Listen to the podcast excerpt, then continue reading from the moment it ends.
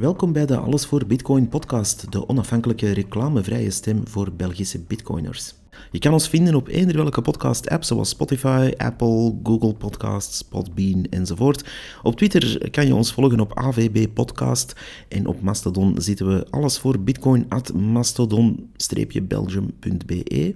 Vandaag zitten we op aflevering 50 wat eigenlijk een uh, korte samenvatting gaat zijn van onze basisafleveringen, onze basics 1 tot 5. En die gaan we in snel tempo gewoon even overlopen.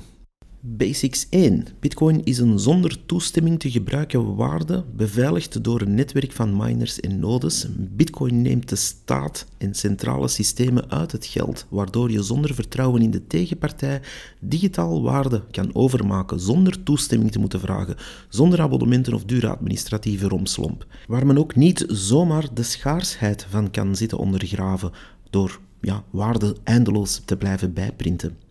Bitcoin verlaat het netwerk nooit. Het bestaat op de Bitcoin blockchain. Zolang u dus zelf uw wachtwoord, uw private keys, uw sleutels hebt, hebt u ook controle over de waarde.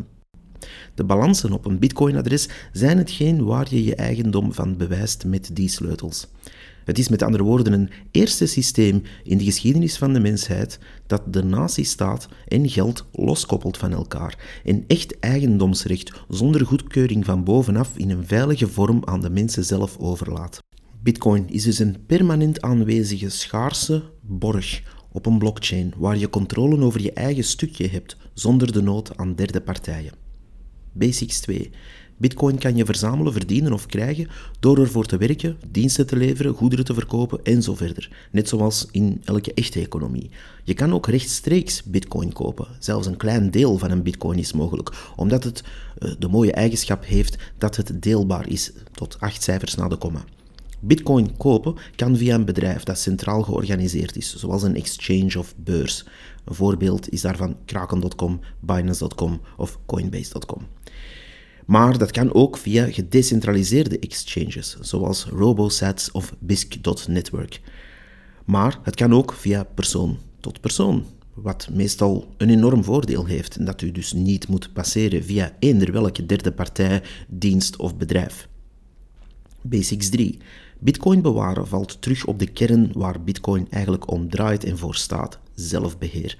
Onafhankelijk je eigen waarde bewaren en overzien.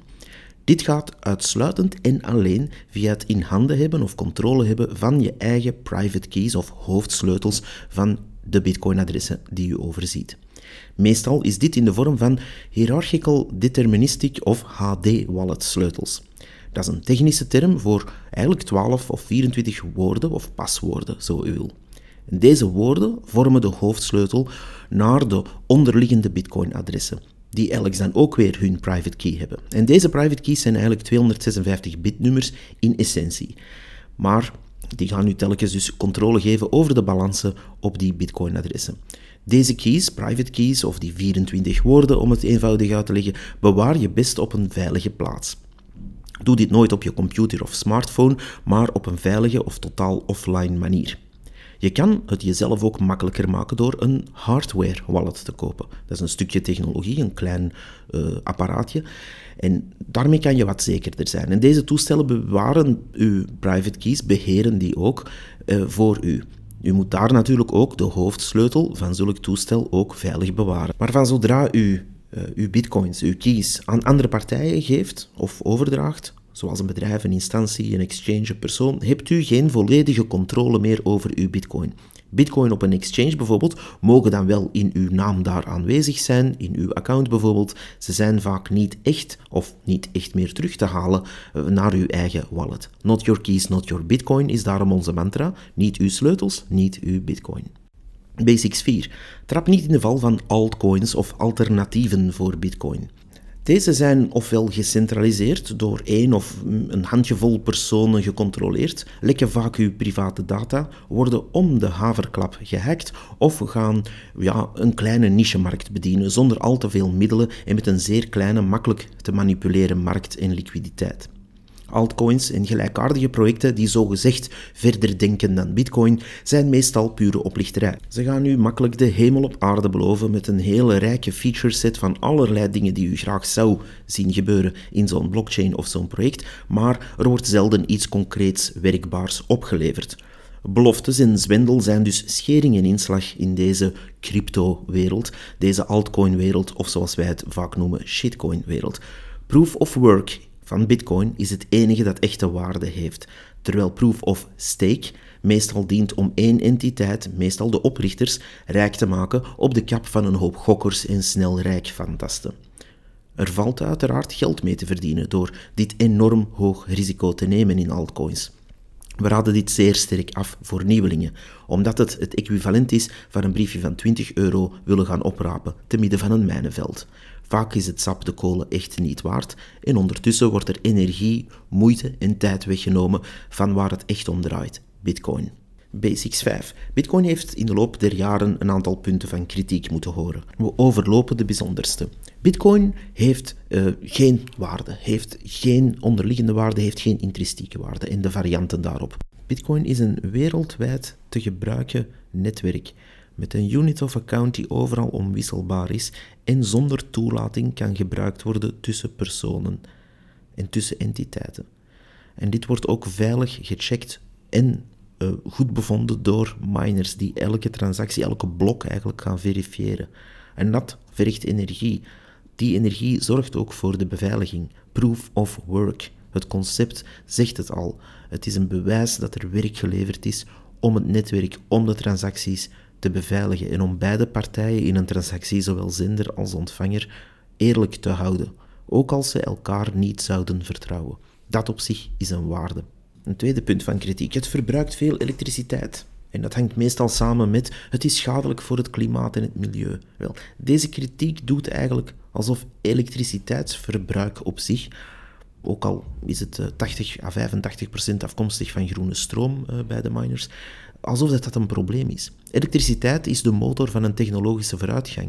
Voor iedere bitcoin die wordt getransfereerd, zijn er waarschijnlijk heel veel mensen die niet meer vanuit hun dorp naar een kantoor verderop moeten gaan. Er is in een derde wereldland om een transactie, die vaak dan ook nog op papier uh, gebeurt, te moeten laten uitvoeren. Om geld bijvoorbeeld te versturen naar of te ontvangen van familie.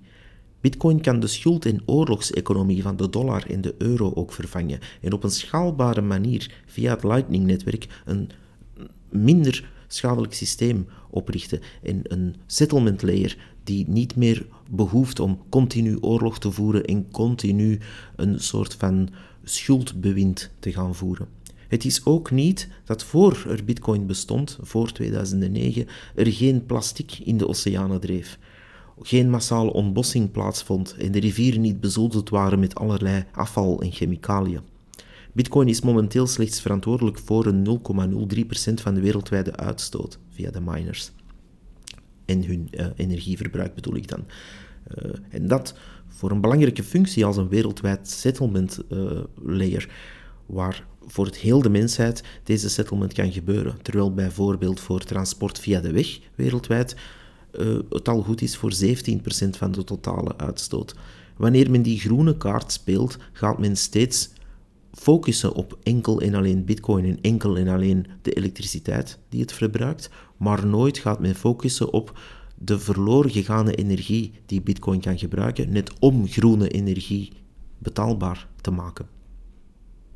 Bitcoin is geen bubbel, maar een vreedzame revolutie, waarbij u zelf terug de macht hebt over uw waarde, zonder de schuldenpolitiek van de centrale banken, en waar u terug kan beschikken over uw eigen geld, zonder te moeten gaan smeken bij een of ander bankkantoor dat zijn deuren sluit bij het eerste beetje problemen dat er ergens zijn.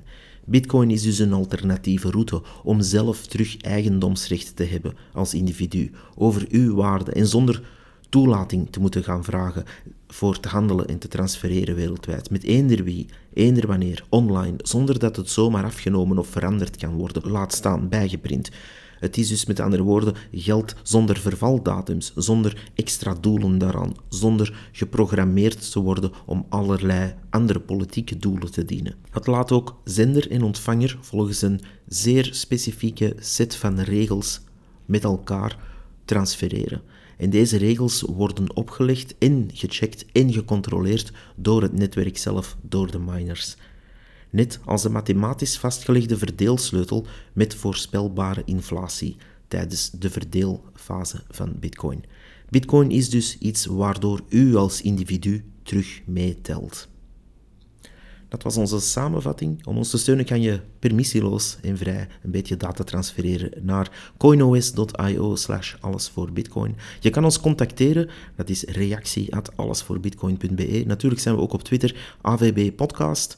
En eh, op Mastodon, at allesvoorbitcoin, at mastodon-belgium.be. Dat was hem voor vandaag. Tot de volgende keer. Bye bye.